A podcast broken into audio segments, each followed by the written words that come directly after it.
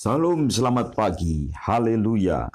Di mana pun Bapak Ibu Saudara berada yang mendengarkan pesan ini.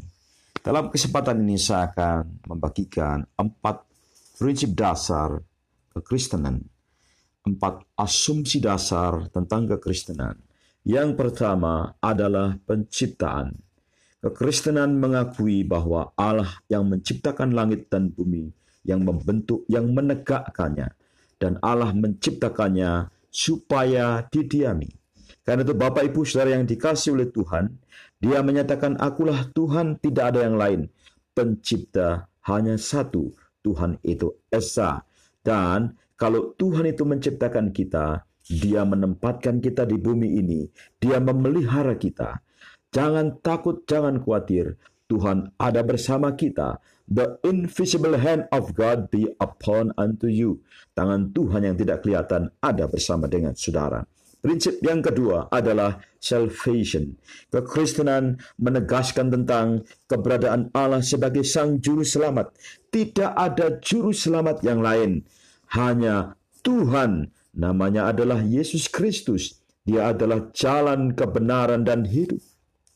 Saudaraku yang dikasih oleh Tuhan, dan kita adalah saksi-saksinya. Kita akan memberitakan tentang keselamatan ini, supaya ujung-ujung bumi mendengar. Itu adalah mission kita. Itu adalah misi kita. Saudaraku yang dikasih Tuhan, prinsip yang ketiga adalah triune God. Kita mengenal Allah adalah Trinitas, Tritunggal yang Esa, Tritunggal yang Kudus. Dia adalah Elohim, Devar Elohim dan Ruah Elohim. Dia adalah Allah, dia adalah firman Allah dan dia juga adalah roh Allah. Ketiganya Esa, zat ilahi yang esa dalam tiga pribadi. Saya memberitakan dan saya mempercayai Triune God bukan karena bapak-bapak gereja telah memutuskan dalam konsili, tapi Alkitab sendiri sudah menyatakan dari sejak kejadian sampai wahyu bahwa Allah adalah Tritunggal. Tidak ada nama yang lain, hanya Bapa, Anak, dan Roh Kudus. Saudara yang dikasih oleh Tuhan, prinsip ini penting sekali dan kita adalah saksi-saksinya. Tetaplah menjadi saksi di mana pun berada dalam keadaan kesusahan apa pun. Tuhan tetap bersama dengan saudara dan memberkati saudara. Di dalam nama Tuhan Yesus Kristus. Haleluya. Amin. Puji Tuhan kita bertemu lagi dalam kesempatan ini. Saya akan bagikan lima hal yang penting untuk kita semakin mengenal Tuhan. Yang pertama, kita mengenal Tuhan sebagai Tuhan yang baik. Loving God sebagai Tuhan yang penuh dengan kebaikan, dengan kasih sayang, dan panjang sabar. Tuhan sudah membuat covenant dengan umatnya, dan ikat janji yang dia buat tidak pernah dibatalkan. Dia setia. Jangan pernah meragukan kesetiaan Tuhan. Bertanyalah, apakah kita setia kepada Tuhan?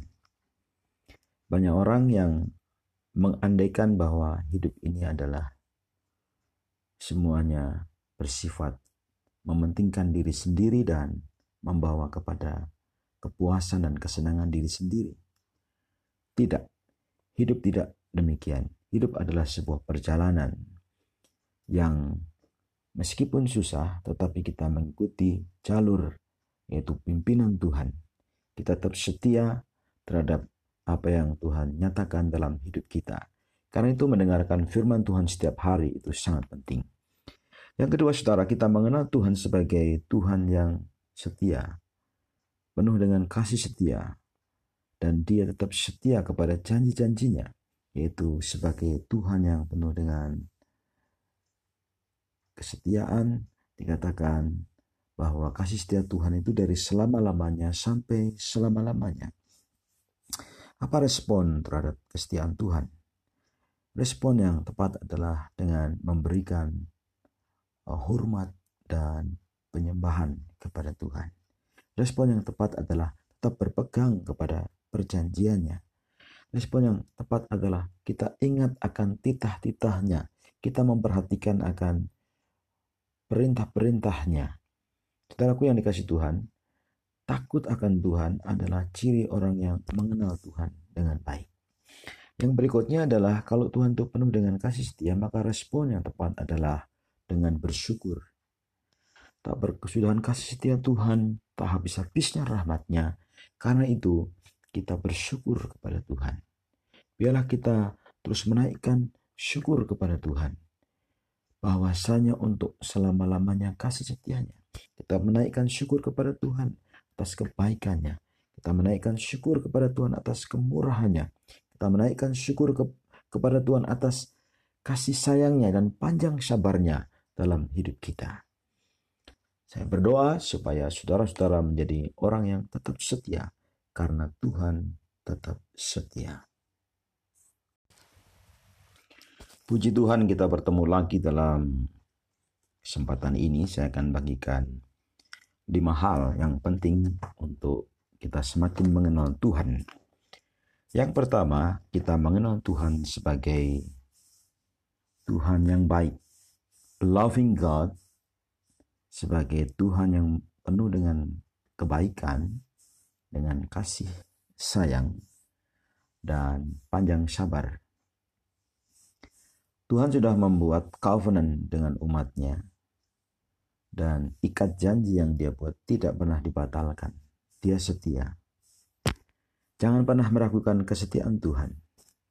Bertanyalah, apakah kita setia kepada Tuhan? Banyak orang yang mengandaikan bahwa hidup ini adalah semuanya bersifat mementingkan diri sendiri dan membawa kepada kepuasan dan kesenangan diri sendiri. Tidak, hidup tidak demikian. Hidup adalah sebuah perjalanan yang meskipun susah, tetapi kita mengikuti jalur yaitu pimpinan Tuhan. Kita tetap setia terhadap apa yang Tuhan nyatakan dalam hidup kita. Karena itu mendengarkan firman Tuhan setiap hari itu sangat penting. Yang kedua, saudara, kita mengenal Tuhan sebagai Tuhan yang setia, penuh dengan kasih setia, dan dia tetap setia kepada janji-janjinya, yaitu sebagai Tuhan yang penuh dengan kesetiaan, dikatakan bahwa kasih setia Tuhan itu dari selama-lamanya sampai selama-lamanya. Apa respon terhadap kesetiaan Tuhan? Respon yang tepat adalah dengan memberikan Uh, hormat dan penyembahan kepada Tuhan. Respon yang tepat adalah tetap berpegang kepada perjanjiannya. Respon yang tepat adalah kita ingat akan titah-titahnya. Kita memperhatikan akan perintah-perintahnya. Saudaraku yang dikasih Tuhan, takut akan Tuhan adalah ciri orang yang mengenal Tuhan dengan baik. Yang berikutnya adalah kalau Tuhan itu penuh dengan kasih setia, maka respon yang tepat adalah dengan bersyukur. Tak berkesudahan kasih setia Tuhan, tak habis-habisnya rahmatnya. Karena itu, kita bersyukur kepada Tuhan. Biarlah kita terus menaikkan syukur kepada Tuhan. Bahwasanya untuk selama-lamanya kasih setianya. Kita menaikkan syukur kepada Tuhan atas kebaikannya. Kita menaikkan syukur kepada Tuhan atas kemurahannya.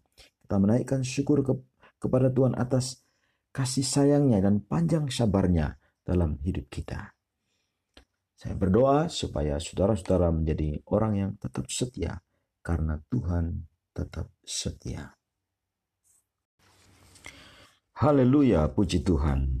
Pesan yang ingin saya sampaikan dalam kesempatan ini bahwa Tuhan mengasihimu. God love you. Dikatakan oleh seorang nabi yang terambil dari Yeremia 31 ayat 3 dikatakan dari jauh Tuhan menampakkan diri kepadanya Aku mengasihi engkau dengan kasih yang kekal. Sebab itu aku melanjutkan kasih setiaku kepadamu.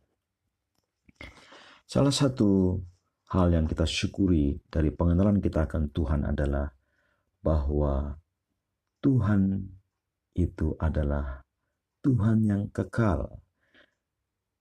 Pribadinya dia senantiasa ada dan berada dan tidak dikuasai oleh waktu dia adalah pencipta waktu. Kita ada dalam sejarah kita dalam waktu. Tapi Tuhan di atas sejarah, di atas waktu. Dan di tengah-tengah sejarah hidup kita, Tuhan memberikan kasih. Dan kasih itu akan terus kita rasakan, kita alami.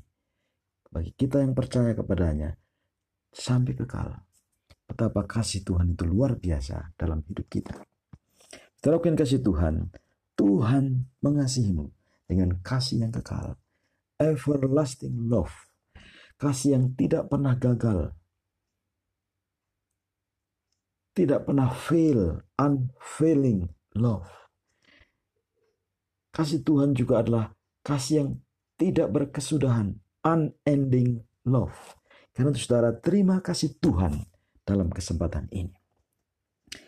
Firman Tuhan juga melalui seorang nabi mengatakan dalam Yeremia 29 ayat 11. Sebab aku ini mengetahui rancangan-rancangan apa yang ada padaku mengenai kamu. Demikianlah firman Tuhan. Yaitu rancangan damai sejahtera dan bukan rancangan kecelakaan. Untuk memberikan kepadamu hari depan yang penuh harapan. Luar biasa. Saudara, rancangan manusia bisa gagal. Rancangan pemimpin bisa gagal. Rancangan seorang yang berkuasa bisa gagal. Rancangan seorang pemimpin yang kaya bisa gagal. Rancangan manusia bisa gagal total. Karena apa? Ada banyak faktor, misalnya bencana alam. Faktor misalnya pandemi COVID-19. Dan banyak faktor yang lain. Krisis-krisis yang ada dalam dunia ini. Tetapi dikatakan bahwa Tuhan tidak pernah gagal. Kalau dia membuat sebuah rancangan, rancangan Tuhan itu pasti berhasil. Karena itu, mari kita ikuti rancangan Tuhan dan bukan rancangan diri kita sendiri. Apa itu rancangan Tuhan? Rancangan Tuhan adalah mengenai diri saudara. Rancangan Tuhan adalah mengenai seluruh umat manusia. Dan rancangan itulah rancangan keselamatan.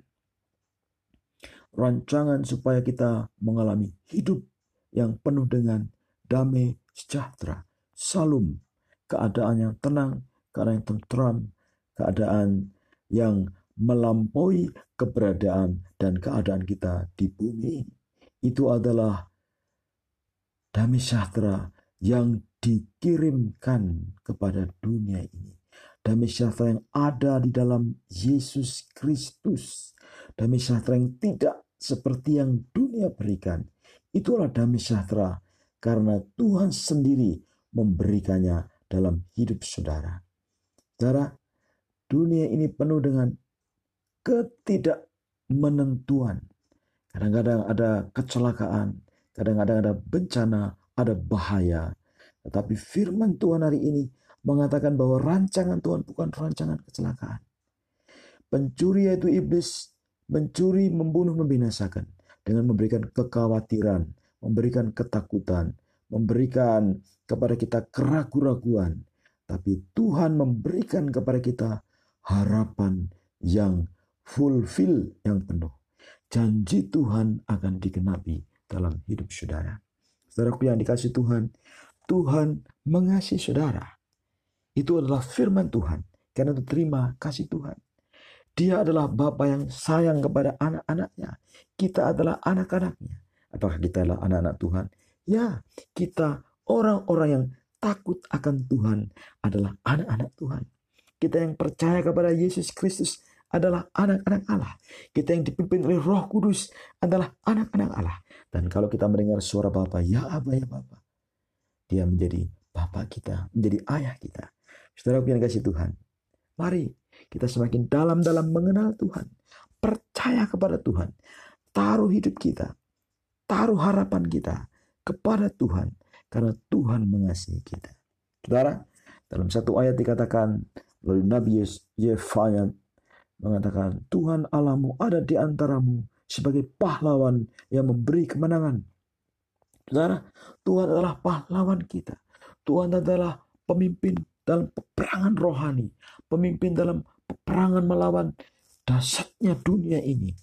Tuhan menjadi El Gibor yang maha kuat. Tuhan menjadi ahli strategi yang disebut penasehat yang ajaib yang akan menolong kita sehingga kita bisa mengatasi kebuntuan masalah apa pun yang buntu, yang rumit, yang sulit, yang susah. Tuhan akan tolong saudara. Saudara akan dibuat menjadi bergirang karena ada jawaban dari Tuhan. Dan dia akan memperbaharui rohmu, memperbaharui tenagamu, memperbaharui akal budimu. Tuhan mengasihi saudara dengan kasih yang luar biasa. Sehingga saudara akan bersuka cita, saudara akan bersorak-sorai. Mari kita tetap memuji Tuhan karena Tuhan kita baik dan mengasihi mengasihi kita. Tuhan mengasihimu. God love you. Dan kasihnya luar biasa. Alami sekarang. Terima sekarang. Dengan doa, ya Tuhan, aku menerima kasihmu. Haleluya. Amin. Haleluya, puji Tuhan. Kesempatan ini saudara saya akan berikan pesan. Ada tiga perkara yang saudara akan menerimanya. Yang pertama, pertanyaan saya adalah, di manakah Tuhan Allah itu? Kalau dalam bahasa lain, geografi Allah. Teografi, di manakah Tuhan itu?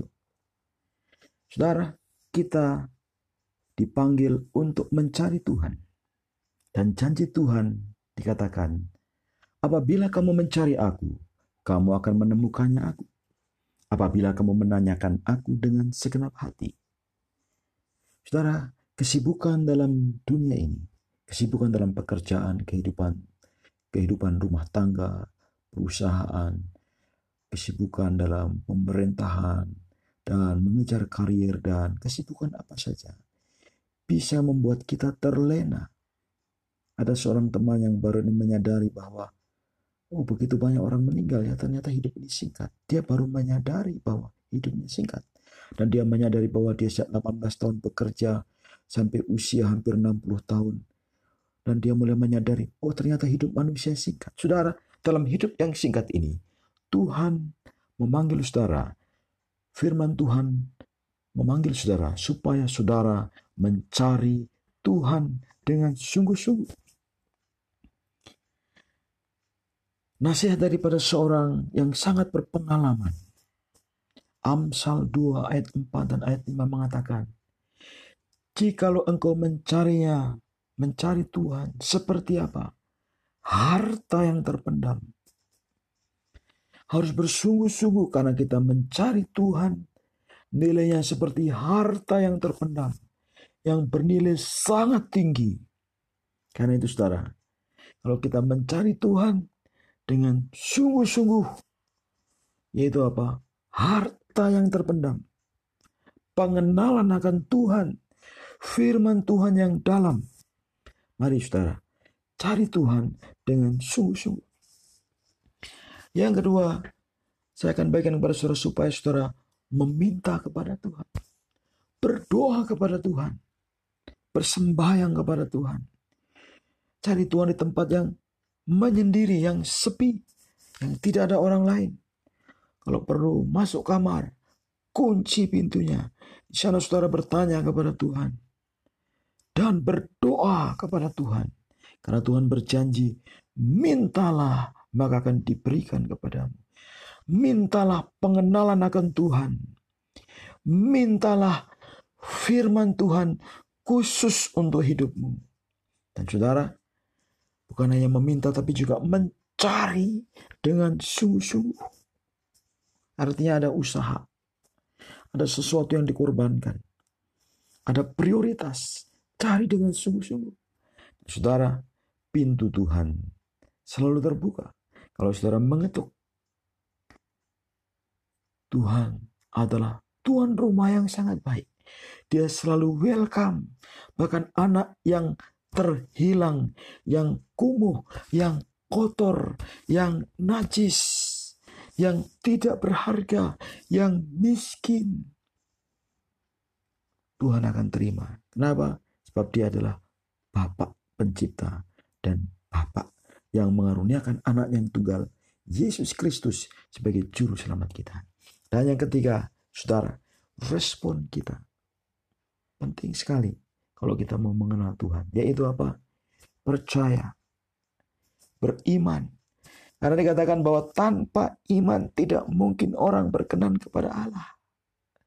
percaya bahwa dia ada sepasti udara segar yang kita hirup.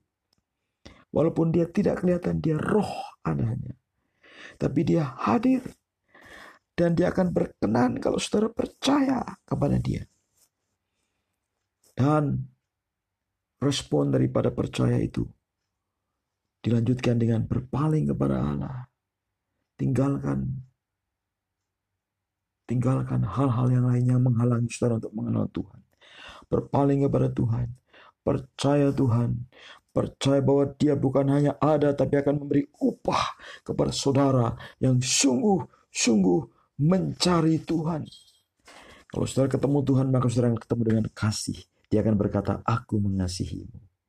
Dia akan berkata, engkau mendapatkan aku karena engkau mencari aku dengan sungguh-sungguh. Saudara, Tuhan adalah Tuhan yang baik. Bagi siapa? Bagi saudara.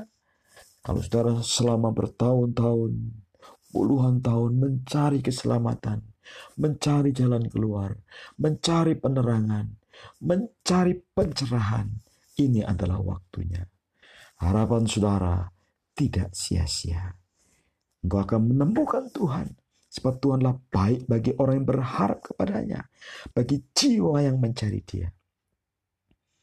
Para Rasul mengatakan dalam pasal 17, 26 dan 27. Dari satu orang saja ia telah menjadikan semua bangsa. Yaitu mulai dari Adam. Adamlah bapak kita. Tapi Adam diusir ke dalam dunia ini. Keluar dari taman Ferdus. Dan anak-anak Adam sudah tersesat jauh jauh dari Tuhan. Tetapi inilah saatnya untuk kita kembali kepada Tuhan. Mencari Tuhan dengan sungguh-sungguh. Karena kita akan ketemu. Yesus berkata, Marilah datanglah kepadaku yang letih lesu, berbeban berat. Engkau akan menemukan damai sejahtera. Engkau akan menemukan keselamatan. Engkau akan menemukan pertolongan. Kiranya Tuhan memberkati pencarian saudara. Dan saat ini juga engkau akan menemukan Tuhan. To know God, we must seek Him. Dan kalau saudara sudah mencari Tuhan, maka saudara akan menemukan Tuhan. Kiranya Tuhan memberkati saudara. Salam, haleluya, puji Tuhan. Saudara-saudara yang dikasih oleh Tuhan Yesus Kristus, mendengarkan pesan ini. Dalam kesempatan yang baik ini saya akan bagikan beberapa hal mengenai hal-hal yang terbesar dalam hidup ini. Apakah hal yang terbesar dalam hidup ini? Hal yang terbesar dalam hidup ini yang pertama adalah mengenal Tuhan. Apa artinya mengenal Tuhan? Firman Tuhan mengatakan bahwa umat yang mengenal Allahnya akan tetap kuat dan akan bertindak. Pengenalan akan Tuhan itu sangat penting. Itu adalah pengalaman pribadi bersekutu dengan Tuhan, berbicara dengan Tuhan, menjadi sehati, sepikir dengan Tuhan, intim dengan Tuhan. Saudara yang kasih Tuhan, kalau kita intim dengan Tuhan, maka kita akan menjadi kuat. Tuhan adalah benteng kota yang teguh. Tuhan adalah menara yang kuat. Dia adalah pokok keselamatan kita, sumber pengharapan kita dalam segala keadaan, dalam segala waktu, dalam segala cuaca. Biarlah kita tetap teguh dan percaya karena kita mengenal Tuhan kita adalah Tuhan yang dapat diandalkan. Dia adalah El Sadai, El Sadai, El Sadai, Allah Maha Kuasa, Tuhan Maha Kuasa. Roh yang Maha Kuasa. Saudara yang kasih Tuhan. Yang kedua yang saya bagikan adalah dalam hidup ini perkara yang terbesar adalah kalau kita bermegah hanya di dalam Tuhan. Bermegah hanya di dalam Tuhan. Bermegah atas pekerjaan Tuhan. Bermegah atas keadilan Tuhan. Kebenaran Tuhan Bermegah karena Tuhan itu setia. Saudara, dunia berubah-ubah. Pikiran manusia berubah-ubah. Cuaca berubah-ubah. musim berubah, bulan berganti dengan bulan, hari berganti dengan hari, jam, menit, detik, dan terus menerus secara kronologis kita dalam pusaran waktu. Tetapi Tuhan kita dapat diandalkan kesetiaannya. Dia dapat diandalkan keadilannya, kebenarannya. Saudara, Tuhan senang kalau kita mengenal Tuhan. Tuhan senang kalau kita bermegah hanya di dalam Tuhan. Yang ketiga, saudara, kalau kita mau menjadi orang yang berbahagia, maka pengenalan dan bermegah karena Tuhan itu adalah hal yang penting. Tetapi hal yang lebih penting lagi adalah kalau kita dalam hidup ini menaati apa yang menjadi perintah-perintah Tuhan. Memegang apa yang menjadi peringatan-peringatan Tuhan dan mencari kehendak Tuhan dengan segenap hati. Saudara, Tuhan tidak mau kita menjadi orang-orang percaya yang gampangan, yang mudah menyerah, yang mudah membatalkan diri, atau mudah untuk menyerah dengan keadaan atau pengalaman-pengalaman yang buntu yang kita alami. Tuhan mau supaya kita mencari Tuhan dengan segenap hati, supaya kita menemukan jawaban yang paling hakiki, jawaban yang paling fundamental, yang paling dasar, supaya kita punya standpoint, sikap yang jelas dalam hidup ini. Karena apa? Karena kita adalah orang-orang yang sungguh-sungguh mencari Tuhan, sungguh-sungguh berpegang pada apa yang memang Dia tetapkan, supaya kita berpegang kepadanya. Saudara, Tuhan Yesus adalah batu karang yang teguh. Tuhan Yesus adalah pondasi yang sangat kuat. Dia adalah the rock of the salvation, of our salvation. Karena itu percaya kepada Tuhan, percaya kepada suaranya, mendengar suaranya, percaya kepada apa yang dikatakannya, dan menghidupi apa saja yang dia katakan hari ini. Tuhan Yesus memberkati saudara. Haleluya. Amin. Salam selamat pagi. Kita bertemu lagi melalui program How to Know God. Dan pesan yang akan saya sampaikan hari ini terambil dari ulangan 30 ayat 19b dan 20a. Demikian firman Tuhan, Kepadamu kuperhadapkan kehidupan dan kematian, berkat dan kutuk. Pilihlah kehidupan supaya engkau hidup, baik engkau maupun keturunanmu dengan mengasihi Tuhan Allahmu, mendengarkan suaranya, dan berpaut padanya, sebab hal itu berarti hidupmu. Mazmur pasal 42 ayat 2 mengatakan, seperti rusa yang merindukan sungai yang berair, demikianlah jiwaku merindukan engkau, ya Allah. Keluaran 33 ayat 14 mengatakan, Lalu ia berfirman, aku sendiri hendak membimbing engkau dan memberikan ketentraman kepadamu. And he said, My presence will go with you, and I will give you rest. Bapak Ibu Saudara yang dikasih oleh Tuhan juga dikatakan di dalam Hosea 6 ayat 6 mengatakan For I desire mercy and not sacrifice and the knowledge of God more than burn offering. Ada berapa prinsip yang ingin saya bagikan dalam kesempatan ini. Apakah keselamatan itu? Keselamatan adalah kehidupan itu sendiri. Yang pertama, hidup dan tidak mati. Hidup di dalam berkat dan bukan hidup di dalam kutuk. Saudara yang kasih Tuhan, keselamatan itu mengenai hidup itu sendiri. Dan karena itu, firman Tuhan mengajak kita untuk kita memilih hidup. Kita memilih selamat. Kita memilih berkat. Nah, bagaimana kehidupan yang seperti itu? Yang pertama yaitu dengan mengasihi Tuhan Allah Saudara, kalau kita mengasihi Tuhan, janji Tuhan adalah hidup, selamat, diberkati, baik kita maupun keturunan kita. Karena itu, syaratnya hanya satu, mengasihi Tuhan. Mungkin saudara bertanya kepada saya, bagaimana saya mengasihi Tuhan? Sedangkan Tuhan tidak pernah memperlihatkan diri kepadaku. Saudara, perjanjian baru mengatakan bahwa Allah telah datang ke dalam dunia. Firman Allah menjadi manusia. The word become flesh. He walk among us. Siapa namanya?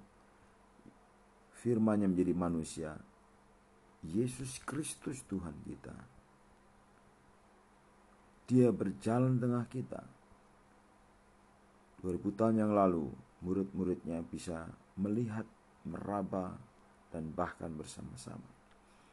Sekarang Tuhan Yesus sudah kembali ke surga. Tapi roh kudus diberikan kepada kita. Orang-orang yang percaya untuk menyatakan atau menyaksikan Yesus Kristus sendiri. Karena itu kita tidak bisa mengelak. Dia sudah datang, sudah mengasihi kita, sudah membuktikan kasihnya, pengorbanannya. Karena itu mari kita mengasihi Tuhan sebagai balasan, sebagai respon yang tepat. Kita berbalik kepada Tuhan, bukan mengasihi dunia, bukan mengasihi kepentingan sendiri, bukan memusatkan hidup pada diri sendiri, tetapi mengasihi Tuhan. Bagaimana kita mengasihi Tuhan itu tadi pertanyaannya, yaitu dengan mendengarkan suaranya. Kalau kita menggunakan waktu untuk mendengarkan suara Tuhan, membaca firman Tuhan, maka Roh Kudus yang adalah penulis daripada firman itu di dalam hatimu dia berbicara kepadamu ketika engkau membaca firman-Nya. Dia akan membuka, membuat telingamu peka, mata hatimu terang ketika engkau membaca firman Tuhan. Dan suara Tuhan menjadi nyaring engkau dengar di dalam hatimu. Bahkan melalui apa pun yang engkau lihat, engkau alami, Tuhan ada di sana dan Tuhan berbicara kepadamu. Saudaraku yang dikasih oleh Tuhan, kalau kita mendengarkan suaranya, maka kita akan berpaut padanya. Apa artinya berpaut? Artinya bahwa kita tinggal dalam perjanjian Tuhan. Kita tinggal dalam ketetapan Tuhan.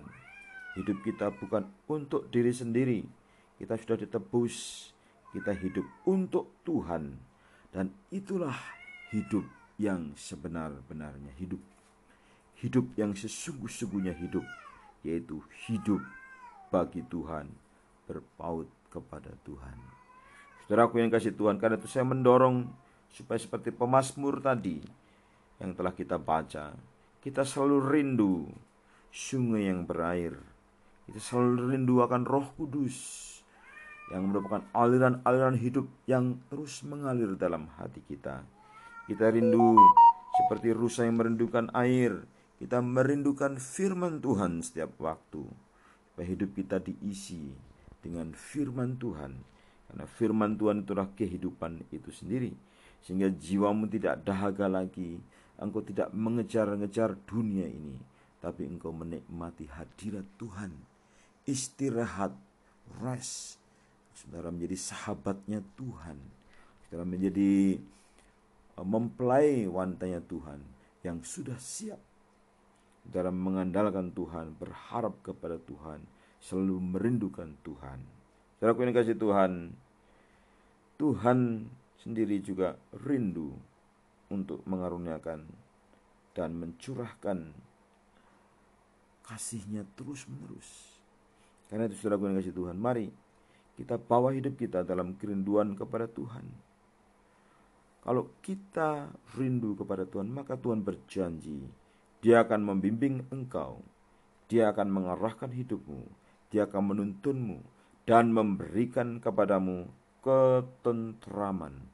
I will give you rest. Tentram, tenang, tidak takut, tidak khawatir, kokoh, teguh. Saudara, sungguh itu janji Tuhan. Ketentraman, rest, peace. Dan tidak mudah terombang-ambing, tidak mudah dipengaruhi oleh lingkungan. Tetap percaya, walaupun mengalami badai dalam hidup ini, walaupun mengalami masalah yang besar, tetap percaya. Pandang Yesus, dia berjalan di atas air, dia mengalahkan maut, dia mengalahkan dunia ini. Dia sudah menang. Karena dalam Tuhan Yesus kita dijamin untuk menerima kemenangan itu. Saudaraku yang kasih Tuhan, sekarang apa yang Tuhan minta dari saudara? Yang Tuhan minta adalah saudara memiliki kasih, kemurahan, dan kebaikan. Kurban yang sesungguhnya bukan kurban yang lahiriah. Ibadah lahiriah penting. Kita memuji Tuhan, mengekspresikannya dengan tubuh kita, dengan suara kita. Tapi yang lebih penting lagi yaitu ibadah batinnya. Di mana saudara mengenal Tuhan dengan sungguh-sungguh.